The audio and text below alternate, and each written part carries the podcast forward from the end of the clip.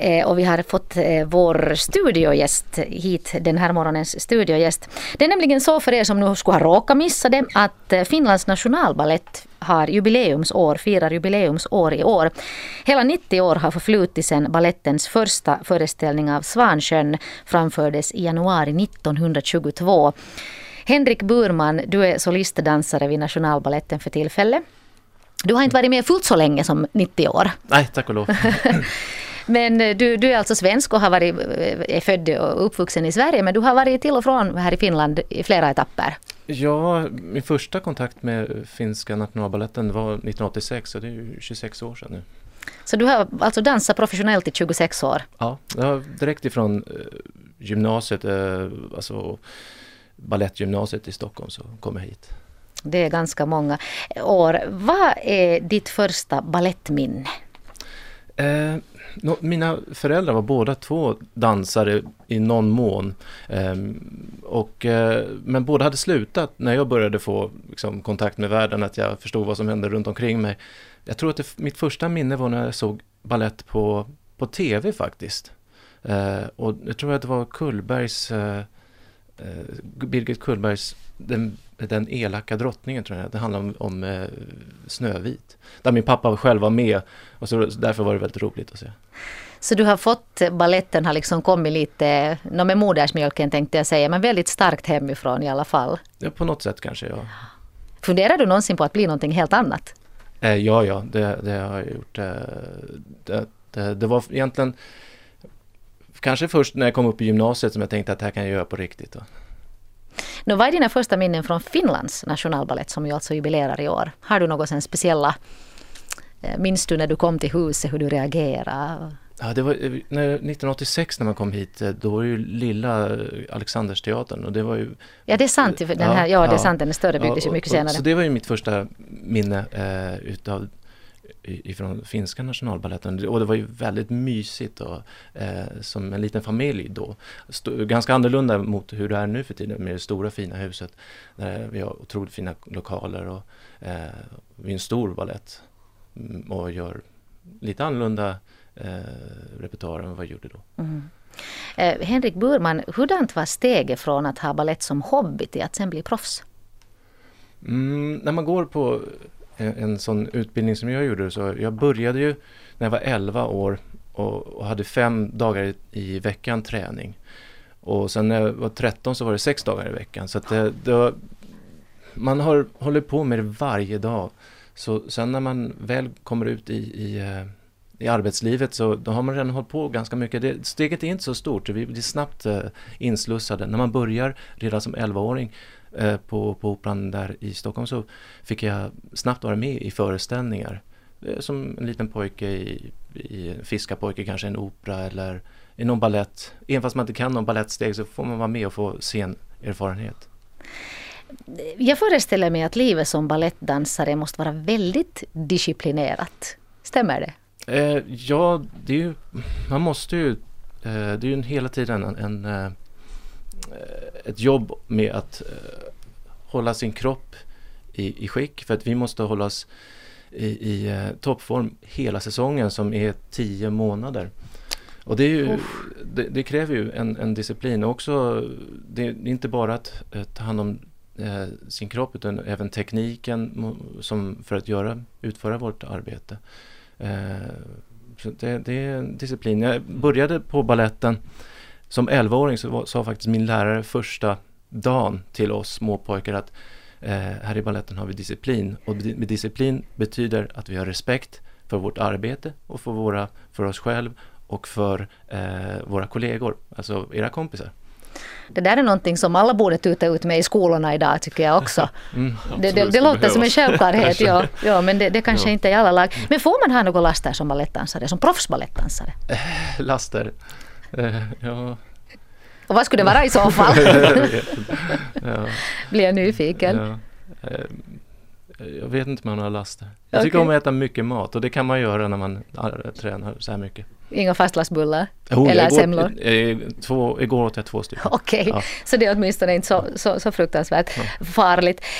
du har dansat flera roller i otaliga föreställningar. Vilken roll ligger dig närmast hjärtat?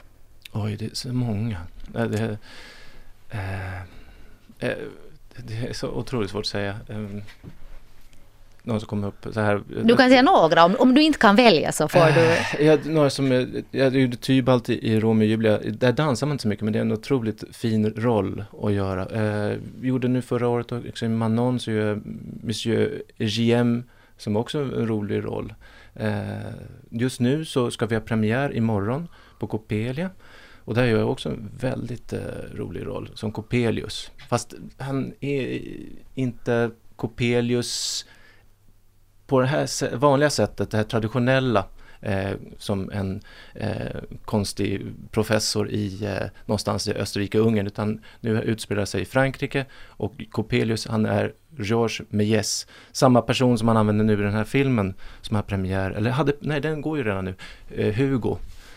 Just. Om den här, eh, och vi har kunnat använda samma person i, i, eh, i den här balletten också, det fungerar väldigt bra. Hur har repetitionerna för övrigt eh, artat sig? Nu premiärdags imorgon men det är ju mycket som händer före det. Eh, det, vi är otroligt eh, beredda och eh, vi, vi, känner att eh, vi är redo att eh, låta ridån gå upp. Verkligen. Är det så? Ja, ja absolut. För ibland tycker man att det är liksom in i det sista så är det sådär lite osäkert och det är lite någonting som ska finslipas här och finslipas där men så tycks det kanske inte vara i ert fall den här gången, det, så är det ofta, men den här gången så är vi verkligen känns som vi, vi är redo. Båda, vi har två lag eh, som är helt eh, beredda på att eh, ta igång de här premiären. Vi har ehm, eh, här i studion för tillfället balettdansare och solistdansaren Henrik Burman med anledning av att Nationalballetten jubilerar det här året sitt 90-årsjubileum. Henrik, jag tänkte fråga dig, du har också turnerat ehm, väldigt mycket alltså runt världen. Hur skiljer sig ballettpubliken i olika länder? Finns det någon skillnad? Ja, det första jag kommer att tänka på är, är till exempel jag var i Mexiko, så där klappar man jättemycket under själva föreställningen. Men så fort ridån går ner så är det helt tyst. Det, blir, det är ingen idé att ha några långa applådtack i Mexiko. Aha. Där folk går hem och där också, eh, där vill man inte ha långa eh, pauser emellan akterna utan då gäller det, gäller det för ballett, eller för dansarna att snabbt byta om och, och för teknikerna att byta på scenen så fort som möjligt för de orkar inte vänta. Är det rappare tempo? De har temperament ja. och det ska hända och ske. Det är det första jag kommer att tänka på när du frågar den här om, om publik i olika länder. Eh, annars har jag inte tänkt på att det är ju kanske just om man varit nere i Europa, det, det är mer, det, de har mer känslor och det, det känner man av. Eh, Medan kanske här uppe i Norden så är vi kanske inte, jag ska inte säga att vi sitter på händerna men det är lite reserverade ja, lite kanske. mer reserverade. Eh, Henrik Burman, har du några ouppnådda balettdrömmar? Du har alltså fungerat som proffs i 26 år. Finns det ännu någonting som du inte har fått göra? Oh ja, det är massor som jag inte har fått göra men jag kanske inte saknar det ändå. Jag har aldrig gjort någon prins ah. Eh, det har jag inte gjort, nej. Men eh, jag vet inte om jag saknar det. Jag, jag tror att jag kom in i det här med ballett egentligen för att jag, jag ville vara på scenen. Och, eh, och när man då visar att man har en viss teaterintresse till två föräldrar som håller på med, med ballett eller har varit på med i ballett, då blir det lätt att man blir inslussad eh, i, i den eh, miljön då. Så jag, jag är nog mycket nöjd med vad jag har fått göra. Nå, eh, som ballettdansare blir man tidigt pensionerad och du kommer att bli pensionerad om en månad. Ja, jag, Ren, vad händer sen? Ja, Livet ska, efter balletten? Ja, nu har jag fått eh, respit med det. Okay. För, ja, tydligen så är jag så... Eh, du är så gott skick. Jag är så gott skick och, och tydligen så behöver, behövs jag fortfarande. Så jag ska få fortsätta ett år till. Och det passar mig jättebra för att jag tycker jättemycket om det här. Jag älskar det. Plus att jag faktiskt inte har någonting annat att göra. Så det, det, ska, det ska bli jättekul att få fortsätta ett år till. Och sen får vi se, kanske ett till.